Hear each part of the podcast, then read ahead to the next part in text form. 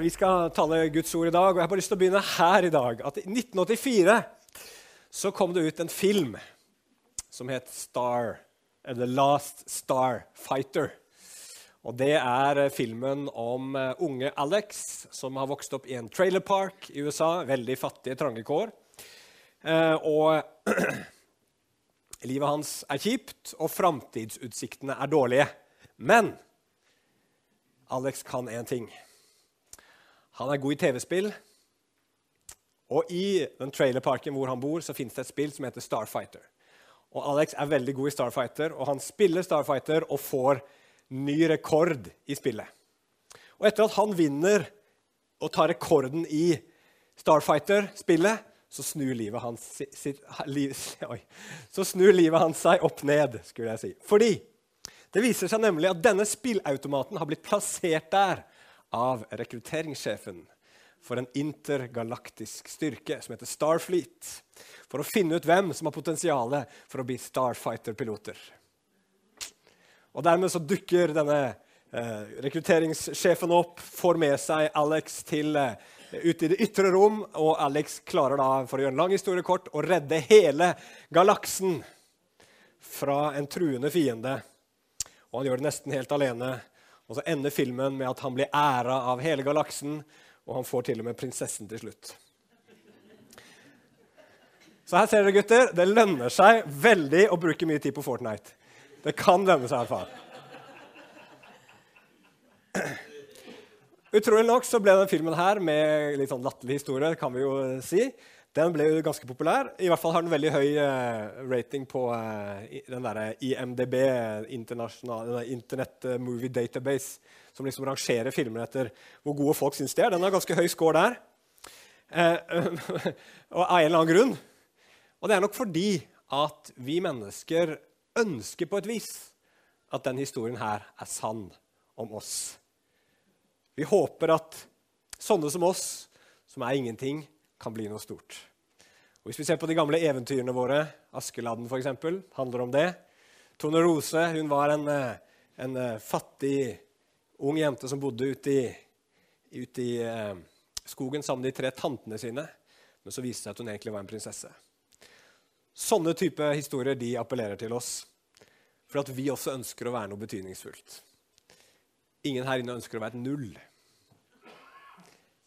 Vi ønsker å være verdt noe. Og I dag så skal vi snakke om selvrealisering.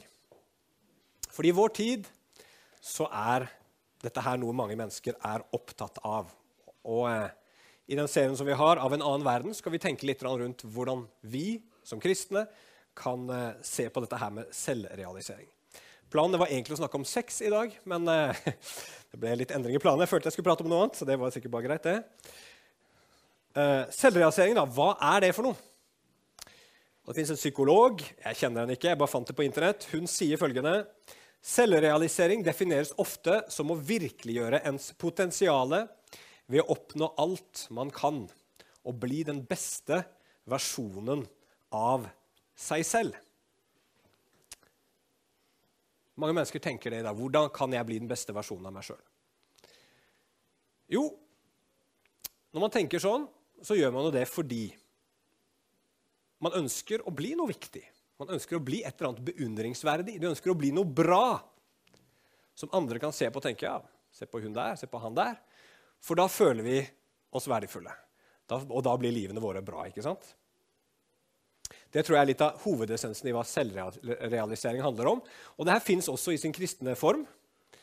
Det fins en bestselgende kristen bok som heter 'Ditt beste liv er nå'. Den er solgt i åtte millioner eksemplarer. Og så er undertittelen 'Nå ditt fulle potensial, potensial i dag'. Så hvordan i verden skal vi som kristne tenke rundt dette her med selvrealisering? Er det noe vi bør være opptatt av? Er det noe som er bra? Er det noe som er dårlig? Eh, og Vi skal gå til Bibelen og vi skal se hva Gud har å si om dette her. Har du med deg Bibelen, så kan du slå opp i Salme 8. Og så Ut fra den så skal vi se på tre ting. For det første at Gud han skapte oss til å både være små og store. Og for det andre at synden den snur alt det her på hodet og til slutt så skal vi se at Jesus viser oss at veien opp den går nedover. Så vi er skapt både til å være små og store. Synden snur det her på hodet, og Jesus viser oss at veien opp, den går nedover. Så da går vi til Salme 8, og så skal vi se på den i Jesu navn. Salme 8 sier følgende. Til korlederen etter Gittit, en salme av David. Herre, vår Herre, hvor herlig ditt navn er over hele jorden, du som har bredt ut din prakt over himmelen. Fra småbarns og spedbarns munn har du reist et vern mot dem som står deg imot, for å gjøre ende på fienden og hevneren. Når jeg ser din himmel, et verk av dine fingre, månen og stjernene som du har satt der, hva er da et menneske? At du husker på det. Et menneskebarn, at du tar deg av det. Du satte ham lite lavere enn Gud og kronet ham med herlighet og ære. Du gjorde ham til herre over dine henders verk. Alt la du under hans føtter. Småfe og storfe i samlet flokk, de ville dyrene på marken, fuglene under himmelen og fisken i havet, alt som ferdes på havets stier. Herre, vår Herre, hvor herlig ditt navn er over hele jorden. Skal vi be. Kjære himmelske Far, takk at vi kan vende oss til ditt ord igjen i dag for å finne ut hva du vil med våre liv, hvordan vi skal tenke om våre liv, hvordan vi skal tenke om de gaver og evner du har gitt oss, og denne lengselen vi har, Herre, etter å være noe, at å være viktig, at å være verdifulle, og ikke være et null. Herre, la Din Hellige Ånd hjelpe oss til å forstå, til å se og til å ordne våre liv etter det du vil si oss i Jesu navn. Amen. Ok, så Det første vi skal se her, det er at vi er skapt til å være både små og store. Den salmen her ble skrevet av David for ca. 3000 år siden. og Du kan liksom forestille at konteksten her det er David som var gjeter. Han sitter ute på markene en eh, stille og klar natt. Og så ser han opp imot den strålende stjernehimmelen. Og På den tiden vet du, så var det jo ingen sånn lysforurensning sånn som vi har nå. Så du så enormt med stjerner som funkla der oppe. Og jeg tror at David nå sitter og stirrer på det her, og det er jo mange som har gjort det opp gjennom historien, ble full av ydmykhet, og han ble full av undring. Og så uttrykker han denne salmen her, hvor han sier på en måte Wow! Gud, du, vår Gud, du er bare majestetisk. Altså, med dine fingre så har du gjort alt dette som jeg ser. Så tenker han på hvor skjønt det er, hvor kreativt det er, hvordan det vitner om at Gud både må være enormt mektig og enormt stor. Han som liksom har skapt hele dette her og holder dette uendelig i sin hånd. Det er litt det han uttrykker i salmen Guds storhet. Og Så tar David denne storheten som han ser i skaperverket som vitner om Gud, og så ser han på seg sjøl. Og så sier han sammenligna med deg, hva er et menneske? Og svaret på det er jo at vi er jo tilnærma ingenting. At du er, og jeg er, bitte, bitte liten. Og en gjeng av bitte, bitte små skapninger i et enormt univers med en Gud som er enda større. Så Bibelen forklarer oss mange ganger at Gud er veldig stor, og at vi er veldig små. Og siden Gud er en god Gud, og han skapte oss små, så må det være noe godt med det å være liten. Det må være noe bra med det. Og hva er det? Jo, her i salmen i vers 2 så står det at det er noe veldig bra med det. For i det lille, der finnes det et vern, står det. Mot fienden, mot hevneren. Ja, Det er i munnen på små barn, på spedbarn, at dette vernet mot det onde finnes. Det høres jo litt rart ut. Eh, kanskje spesielt nå, hvor, eh, hvis du følger litt med på populærkulturen. Kanskje har du ikke sett uh, The Last Starfighter, men du har kanskje sett en eller annen Marvel-film hvor en eller annen superhelt, som ofte er enten veldig intelligent og veldig sterk, eller begge deler, redder verden igjen og igjen takket være sin intelligens og styrke. Det er jo det vi har blitt uh, mata med de siste 15 årene, hvis du har fulgt litt med på, på, på det som går på kino. og sånn. Men sånn er ikke Guds verden, sånn er ikke Guds univers. Faktisk så sier Bibelen mer at ofte så er det de intelligente og de mektige i verden som står bak mye av det onde i verden. Som bringer mye av det inn i vår verden. Men Gud i sin visdom han legger kraften til å motstå det onde, det destruktive, i munnen på små barn, på spedbarn. Da kan man lure på hvordan det der egentlig henger sammen. Jesus han bruker de versene her. Hvis vi går til Matteus 21, vers 15 og 16, så siterer Jesus Salme 8. Og Konteksten her det er palmesøndag. Jesus har ridd inn i Jerusalem på et tempel. På et esel, mener jeg. Han har kommet inn til tempelet. Eh, også i tempelet da, så blir han hylla av eh, Hosianna-rop av barn, står det i Matteus.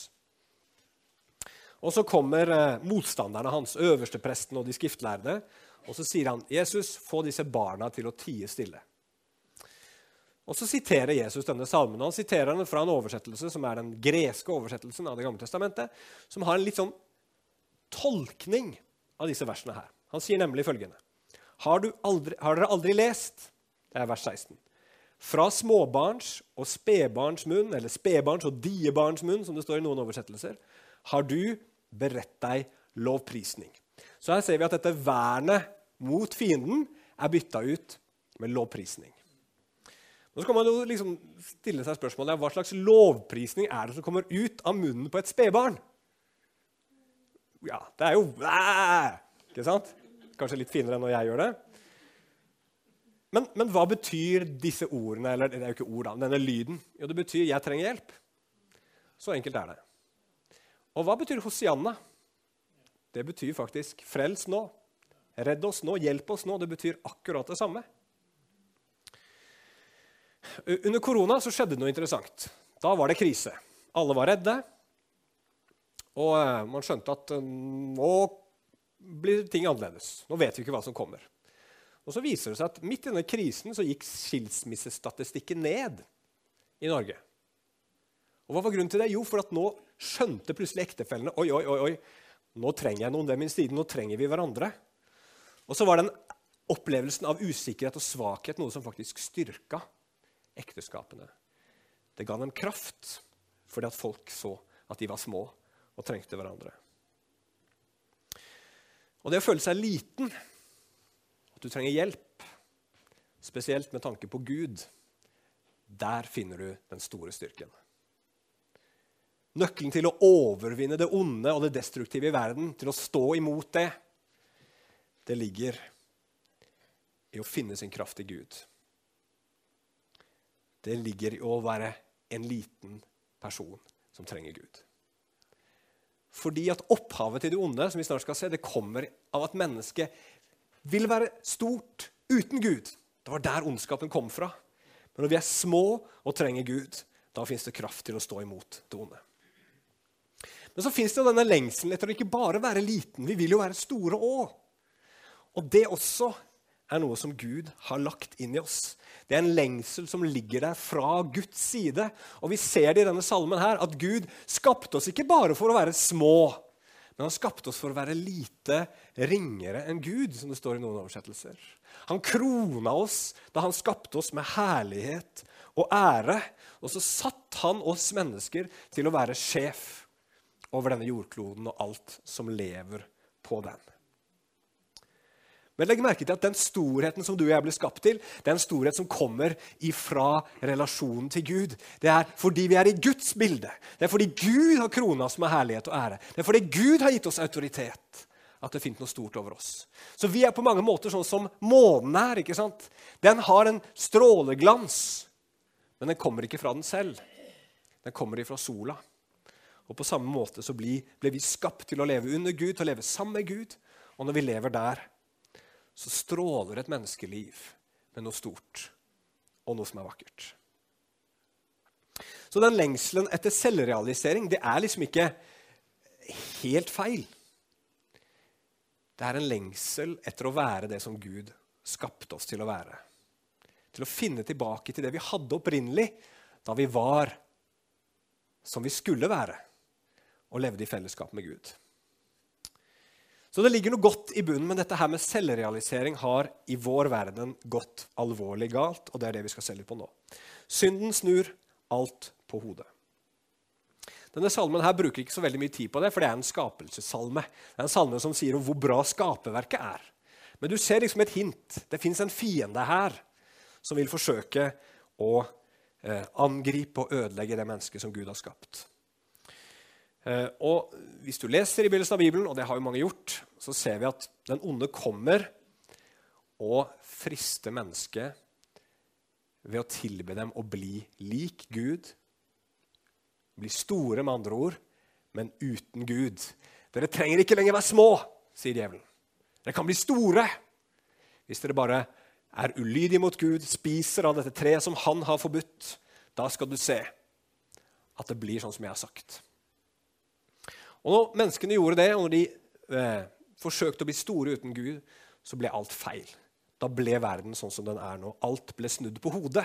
Og i denne verden vi lever nå, så ønsker vi ikke være små og svake. De aller fleste skjuler seg. De skjuler sin svakhet. Vi skammer oss når vi må be om hjelp. Og vi blir deprimerte når vi føler oss dårligere enn andre når vi føler oss ubetydelige, når vi føler oss små, når vi føler at vi ikke får til det som andre mennesker får til.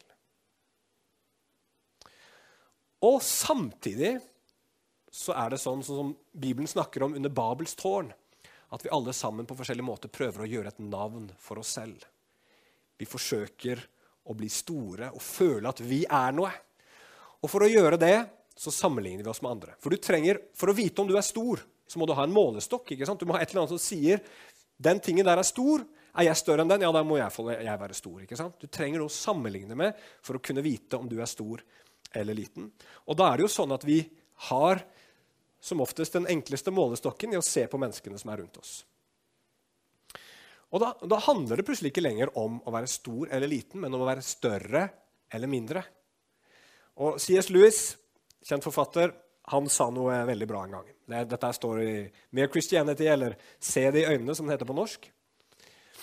Vi sier at folk er stolte av å være rike, smarte eller flotte, men det er de ikke. De er stolte av å være rikere, smartere eller penere enn andre. Hvis alle andre var like rike, smarte eller pene, ville det ikke være noe å være stolt over. Det er sammenligningen som gjør deg stolt. Gleden over å være bedre enn alle andre. Har han ikke rett i det? Og sånn Rent psykologisk sett så er det veldig anerkjent nå at denne sammenligninga den er ikke bra for oss. Og derfor så har vi ikke blitt spesielt mye lykkeligere med sosiale medier. For der har du jo bare en sånn kjempemulighet til å sammenligne deg hele tiden. Hvis du lurer på hvordan det ligger an, så er det bare å gå på Facebook og se å, søren, og se hvor fint de har det hjemme. Og, Oi, de hadde jo en kjempefest i helga. ja, Så føler man seg ikke nødvendigvis så bra. For de aller fleste poster jo ikke de dårlige tingene på, på, Facebook i tillegg. Sånn er jo det. Men Bibelen ser dypere. Dette handler bare ikke om at dette her gjør oss psykologisk ulykkelige. Men på samme måte som den onde djevelen, når han ønska å bli stor uten Gud, og dermed ble ond, så er det sånn at når vi også ønsker å være store uten Gud, så bringer det ondskap og ødeleggelse. Og Det er massevis av eksempler vi kan dra fram. Jeg skal ikke bruke lang tid på det, men la meg bare komme med noen konkrete. Baksnakking for eksempel, og nedsettende ord. Hvorfor trenger vi å snakke ned andre mennesker? Jo, det er jo fordi vi ønsker å heve oss selv opp. Men det er ondt. Hvorfor bryter mennesker ekteskapspakten og er utro? Jo, Veldig ofte så er det jo fordi at det føles godt å bli begjært, å være attraktiv, føle seg attraktiv. Men da svikter man det løftet man har gitt. Det er ondt. Hvorfor gir vi så lite av vår rikdom til de som har aller minst? Jo, det er jo fordi at hvis jeg gir mye, så er det ikke så mye igjen til meg. Og da framstår jeg som fattig, og da føler jeg meg mindre verdifull. Hvorfor prioriterer vi jobb og karriere og tjene penger og alt mulig framfor våre nærmeste så ofte? Jo, det er fordi vi trenger å lykkes. Vi trenger å forfremmes. Vi trenger å, å, å bevise At vi er noe når vi tjener mer penger. Men da svikter vi de som trenger oss mest. Der også er det noe ondt. Og så fins det maktmisbruk og manipulering, ofte blant ledere. Hvorfor det? Jo, fordi at mennesker som har lederposisjon, og det her skjer også dessverre i kristne eh, eh, eh sirkler, de ønsker å ha suksess for enhver pris. For at de vil bevise at de er gode ledere, og da føler de at de er noe. Men da blir mennesket et middel i stedet for et mål i seg selv, og det også er noe ondt. Og Hvis du tenker på alle de krigene som foregår nå, så kan du se hvis du bare ser litt etter, at det ligger nettopp et ønske om ikke en frykt for å være liten og et ønske om å være stor, som driver veldig mye av den ondskapen som er bak disse krigene. Og så er det veldig ironisk da, at i alle våre forsøk på å bli store, så blir vi mennesker små. Vi blir mindre. Vi blir små mennesker av å tråkke på andre. Vi blir små mennesker når vi er egoistiske og holder for oss selv istedenfor å gi til andre. Vi blir små mennesker når vi setter oss sjøl foran de som trenger oss mest. Vi blir små mennesker når vi svikter våre løfter for vår egen nytelses skyld. Vi blir små mennesker når vi lever for oss sjøl som om vi var verdens sentrum. Vi blir små. Og For å sitere C.S. Lewis igjen, Han har skrevet en veldig bra bok som jeg anbefaler varmt, som heter 'Den store skilsmissen'. Som er en slags eh, et slags fantasifullt tankeeksperiment om hvordan det ville vært hvis noen fra helvete kunne komme på besøk til utkanten av himmelen og få prate med hverandre. Så det er det en fyr som tar bussen fra helvete til, til himmelen. Og så, og så, får han prate med noen av de som liksom bor helt i utkanten av himmelen. Eh, og På et tidspunkt så spør denne fyren da fra helvete, denne fra himmelen, men hvorfor kan ikke du eller noen andre her bli med ned i helvete og liksom overtale, prøve å overtale de vise hvor bra og vakre dere er, og prøve å overtale disse der nede til å komme opp her? For i denne, i denne historien, da, dette er jo ikke sånn det er ut ifra Bibelen, men i denne historien så går det an å få en sjanse til. Og da sier denne som er i himmelen, at nei, det, det går ikke. For se her. Og så bøyer han seg ned og så Nede på bakken under et lite blad så er det en bitte liten sprekk. Så sier han det var den sprekken der du kom opp fra. Det var der den bussen kom opp fra. Den lille, knøttlille sprekken der. Der nede, i det bitte lille der, der er helvete. Der er fortapelsen. Og Du, bare, du ble liksom bare forstørra når du kom opp her. Men der nede er det. Så det er ikke mulig for oss å gå ned der. Det er bare et sånt lite, trangt sted. Og, det, og sånn er fortapelsen i hvert fall en del av fortapelsen. Altså, vi mennesker, i frykten for å bli små og i ønsket etter å bli store, så blir vi noe tragisk og lite. Vi prøver å finne livet, og så finner vi bare et evig tap. Og det Bibelen sier at det er der vi er på vei. Vi blir bare, vi krymper. Vi er noe mindre enn det vi ble skapt til å være. Vi er ikke sånn som vi skulle vært. Det er noe galt med oss. Det er noe usselt og lite over hvert menneske sammenligna med det Gud hadde tenkt med oss. Og her er vi alle sammen. Det er ikke noe menneske her som kan si ja, jeg. Jeg er ikke redd for å være liten. Og jeg forsøker ikke å bli stor i meg selv. Nei, vi holder på med dette her alle sammen på forskjellige måter. Og så er jo spørsmålet da er det noe håp for oss. Og vi vet jo at fasiten den har vi i Bibelen. Yes. Og da kommer vi til mitt siste punkt her, at Jesus viser oss at veien opp er veien ned. Og som jeg nevnte, Salme 8 blir sitert et par ganger i Det nye testamentet. Og nå skal vi lese ett sitat til. Dette er fra Hebrebrevet kapittel 2, vers 6 til 11.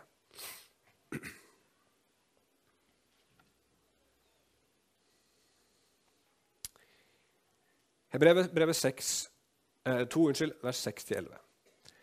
Dette er det en som har vitnet om et sted. Han visste ikke hvor det sto i Bibelen, så det er helt greit. hvis du ikke vet hvor det står i Bibelen. Han visste ikke hvem som skrev det heller. Det er én som har vitnet om dette et sted. Det var eh, sikkert derfor han ikke skrev navnet sitt, han forfatteren av Hebreerbrevet. Syns det var litt flaut. Hva er et menneske? At du husker på det. En menneskesønn, at du tar deg av ham. Her ser vi at det er en sitat fra Salme 8. En kort tid har du stilt ham lavere enn engler, men du har kronet ham med herlighet og ære Alt har du lagt under hans føtter. Og så står det videre at Gud la alt under ham. Da var ingenting unntatt. Alt skulle underlegges ham. Ennå kan vi ikke se at alt er lagt under ham. Men Jesus, som for en kort tid var stilt lavere enn englene, ham ser vi nå kronet med herlighet og ære fordi han led døden. Slik skulle han ved Guds nåde smake døden for alle. Gud ville føre mange barn til herlighet. For ham og ved ham er alle ting. Da måtte han la frelsens opphavsmann nå fullendelsen gjennom lidelser. Han som helliggjør, altså Jesus, og de som blir helliggjort, vi som tror på han, kommer alle fra den ene. Derfor skammer ikke sønnen seg over å kalle dem for søsken. Hva ser vi her? Jo, det vi ser her, er at forfatteren av hebreerbrevet sier at Salme 8 handler egentlig om Jesus. Om Jesus som var Guds sønn, og som gjorde seg liten, og som ble til menneske. Så han tok på seg vår svakhet, han erfarte den samme avhengigheten. Og ikke nok med det, han gjorde seg så liten at han tok på seg vår skyld, vår synd, vår dom og til og med vår død. Men det som er fantastisk med det, at når Jesus går ned der og blir liten som oss, så vinner han. På Twitter for et par år tilbake så var det en som kom med et godt forslag. Han, han syntes gjeld var noe dritt. Så han sa la oss overføre all gjelden til én person, og så tar vi livet av han. Ikke sikkert det er veldig mange som frivillig ville tatt på seg den jobben. Men det var det Jesus gjorde. All vår skyld all konsekvensen av vår ondskap og synd ble alt sammen lagt på han. Og så ble han tilintetgjort. Han døde. Han dro det med seg ned i sin død, sånn at det skulle bli overvunnet og tatt bort. Det gjorde Jesus Kristus for oss. Og så reiste Gud han opp fra de døde for å ære han for den seier som han hadde vunnet, og for å slå fast at nå var seieren vunnet. Døden var tilintetgjort. Synden var tilintetgjort. Djevelen var overvunnet. Og Jesus ble reist opp som seier her. Og så står det at Jesus, han som gikk ned, han har Gud løfta opp og gitt navnet over alle navn. Han ble den største, han ble den høyeste. Han gikk ned for å komme opp. Og hva betyr det for oss? Jo, det viser jo at veien opp den går nedover. Og Jesus han viser oss for det første et eksempel, og så viser han oss en mulighet. For når han som var stor, kunne bli liten, hvor, hvor mye mer burde ikke vi da som er små, kunne innrømme at vi også er små? At ikke vi får livene våre til, og at vi har synda og brutt Guds bud. Og når han ja, det var det jeg skulle si. Altså, og, og Jesus han, han tok ansvar for synden. Da må vi også kunne ta ansvar for vår synd. Jesus hadde ikke synda, men vi har synda, og da må vi kunne ta ansvar for våre synder og innrømme at vi er det. Men det her sitter så langt inne hos oss. Derfor er det, det, det, det er den store hindringen for kristen tro, for det er et utrolig bra budskap. Altså, Det, det fins ikke noe bedre hvis du, ser, hvis du liksom skal gå gjennom forskjellige religioner og sjekke hva, hvem har det beste budskapet. Så, så, er liksom det kristen tro lover, det er det beste. Men det er ikke så populært allikevel. Det er jo relativt populært. Da. Det er jo liksom den største religionen i verden sånn sett. Men allikevel så er det ikke populært. fordi at dette her, å innrømme at vi er svå og svake, og at vi har synda, det koster oss så mye at Bibelen kaller det for å dø. Altså Det føles nærmest som en død, død å innrømme at vi har svikta og ikke fått det til. Men når Jesus døde for oss og sto opp igjen for oss, så hjelper han oss til å gå gjennom den døden. For Hvis Jesus ville gjøre det for deg og ville gjøre det for meg, så betyr det at han elsker oss. At Gud elsker oss. Og så betyr det, for, så betyr det at vi er så viktige for Gud vi er så betydningsfulle for Gud at han var villig til å ofre sin egen sønn for oss. Og der, Allerede der ligger en storhet. Allerede der ligger noe vakkert. Og Når du innrømmer din synd, så må du også rope Hosianna. Husker du hva det betydde? Frels nå. Frels nå. Hjelp meg. Vi må ikke bare innrømme nederlaget vårt, men vi må be Gud om hjelp. Og så står det så veldig bra i Bibelen at han er rik nok for alle som kaller på han. At alle de som kaller på Jesu navn eller Herrens navn, skal bli frelst. Og da skjer det et mirakel med oss. For ikke bare får vi tilgivelse for syndene våre, men vi blir løfta opp, sånn som vi leste i teksten i Hebrebrevet, til å være lik Han. Bli et søsken av Jesus, en bror eller en søster av Jesus. Han som er Guds sønn, som er en sønn av den høyeste kongen. Han er en prins, han er en kongesønn. Og så kan du og jeg få bli med i hans søskenflokk og bli sønner og døtre av en levende Gud. Da er du betydningsfull. Det er bedre enn å være The Last Starfighter, det kan jeg love deg. Da er du elska, og da viser det oss at du er viktig for Gud. Og når du har kommet dit, og når du har sett hva evangeliet formidler til oss av et utrolig frigjørende budskap om at du er noe for Gud, så begynner en litt annen type selvrealisering. Eksempel I Kolosserne 1, vers 28 så står det det er ham vi forkynner, altså Jesus. Ikke, han forkynte ikke seg sjøl, han forkynte Jesus. Og vi rettleder og underviser alle mennesker i den fulle visdom for å føre hvert menneske fram til modenhet eller fullkommenhet, kan det også oversettes, i Kristus. Gud vil at du skal være den beste versjonen av deg sjøl. Men det handler ikke om kroppen din. Det handler ikke om intelligensen din handler ikke om hvor mye penger du tjener, eller hvor populær du kan bli. Men det handler om at den beste versjonen av deg og meg det er når vi begynner å bli litt mer lik Jesus. Vi begynner å nærme oss hvem han er. Jesus var modig. Det tenker vi ikke så ofte på, men Jesus var utrolig modig. Og Jesus, Gud vil at du skal bli modig som Jesus. Jesus var trygg. Gud vil at du skal bli trygg som Jesus. Og Jesus var barmhjertig og god, og Gud ønsker også det i ditt og mitt liv. Og Det Gud holder på med når du blir en kristen, det er å dyrke fram en skjønnhet som har begynt i deg. Og så skal den vokse og vokse og vokse og vokse, helt til vi kommer dit hvor Daniel for eksempel, eller står i Daniels bok kapittel 12, vers 3, at de vise, altså de rettferdige, skal skinne som hvelvingens glans, som stjerne. Og Paulus i 2. Korinterbrev 4, vers 17, han snakker om at i evigheten, når vi kommer til Gud og skal være sammen med Han i all evighet, så skal det være en overstrømmende og evig fylde av herlighet, eller skjønnhet, om du vil. Herlighet kan ofte oversettes med skjønnhet. Prøv det på Bibelen når du leser den, og se om ikke det gir en litt mer sånn meningsfylt eh, eh, eh forståelse av tingene. Men ja, Gud vil du skal skinne. Men han vil ikke at du skal skinne liksom av deg selv. Det er jo selvrealiseringens mål. ikke sant? Jeg skal skinne. Jeg skal liksom bli sett. Jeg skal bli kjent. Jeg skal bli beundra. Nei. Jesus han sier at når du og jeg blir kristne og begynner å tro på Han, så får vi Den hellige ånd den hellige ånd er den som gjør det verket på innsiden av oss. Det er han som gjør oss mer lik Jesus. Og Målet til Den hellige ånd det er ikke at vi skal skinne, men Den hellige ånds mål er som det står i Johannes 16, 14, at han, altså Den hellige ånd, skal herliggjøre meg, altså Jesus. Det er Jesus som skal få skinne og stråle gjennom ditt liv. Det er det som er målet, det er det Gud ønsker med oss.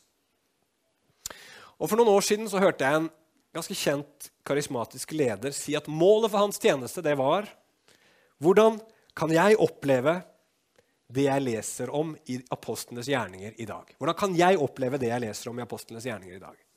Og jeg nølte litt om jeg skulle ta med denne kritikken her, men jeg tror det kan være nyttig for oss.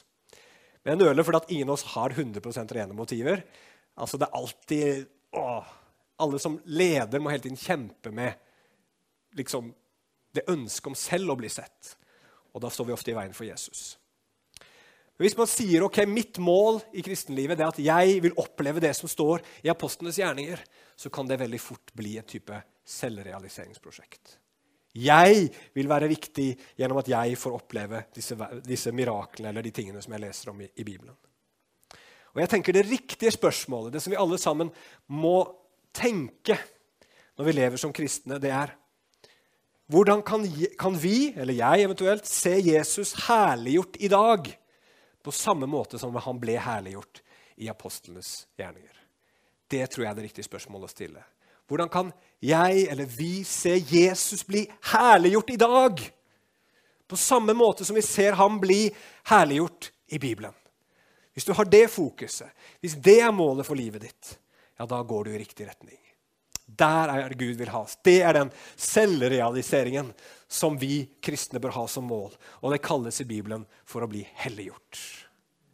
Helliggjørelse. Ok, nå har jeg snakka lenge. La oss avslutte med den utfordringen her. Hvor er ditt hjerte i dag? Er du redd for å være liten, for å være et null? Og ligger det i deg en lengsel etter storhet, etter å være noe vakkert og skjønt, noe beundringsverdig? Da er Bibelens svar 'kom til Jesus'. For bare Jesus kan gi deg den sannheten som setter deg fri. Bare Jesus kan hjelpe deg til å akseptere at du er liten. Og allikevel, i Jesus, i ham, ved å stole på det han har gjort, så kan du få lov til å bli opphøyt, til å bli noe stort og verdifullt. Sammen med Gud, i Gud, gjennom Gud. Og så kan du få håp om at det store og vakre det er ikke bare for en liten tid, men det er noe som du skal bli gitt, og som du skal få dele, og som skal herliggjøre Jesus, herliggjøre Gud, gjøre Han stor i all evighet. Det er framtiden, dere, for den som tror på Jesus. Det er noe vakkert, det er noe bra, det er noe godt.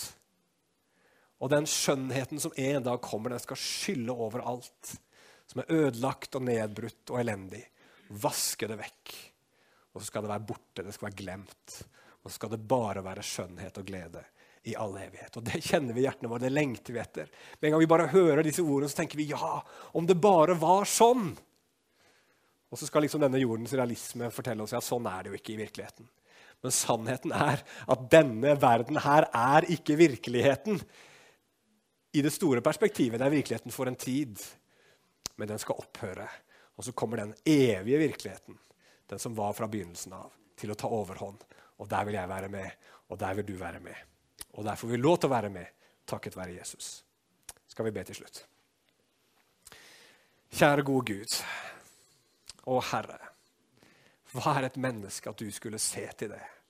Men Herre, du ser til det, Herre. Du ser til meg. Du ser til hver eneste en som sitter her inne. For ditt ønske er, Herre, å krone hver og en med ære og med herlighet. Ikke for at vi skal bli store i våre egnes eller andres øyne, Herre, men for at du skal bli stor gjennom oss. Og der finnes det en nydelig frihet. Der finnes det en dyp glede, Herre. Der finnes den freden som vi trenger, Herre. Så Herre vår Gud, la oss få se hva du har gjort for oss. La oss få se, Herre, at du er alt vi trenger. La oss innrømme at vi er svake og små. La oss slutte med fasader og prøve å være sterke i oss selv, Herre. Og gi opp og heller rope Hosianna. Og så kommer du ridende til oss, vår frelser, for å hjelpe oss, for å løfte oss opp og for å ta oss inn, Herre, i din evige herlighet. Å, Hellige Gud, kom nå ved din ånd, Gud. og bare åpenbar disse tingene for oss. Så vi kan gå ut, Herre, og, og leve med rett fokus. Og så kan vi leve også på den måten her at vi ikke peker på oss selv, Herre, men peker på deg i våre hverdagsliv. I Jesu navn. Amen.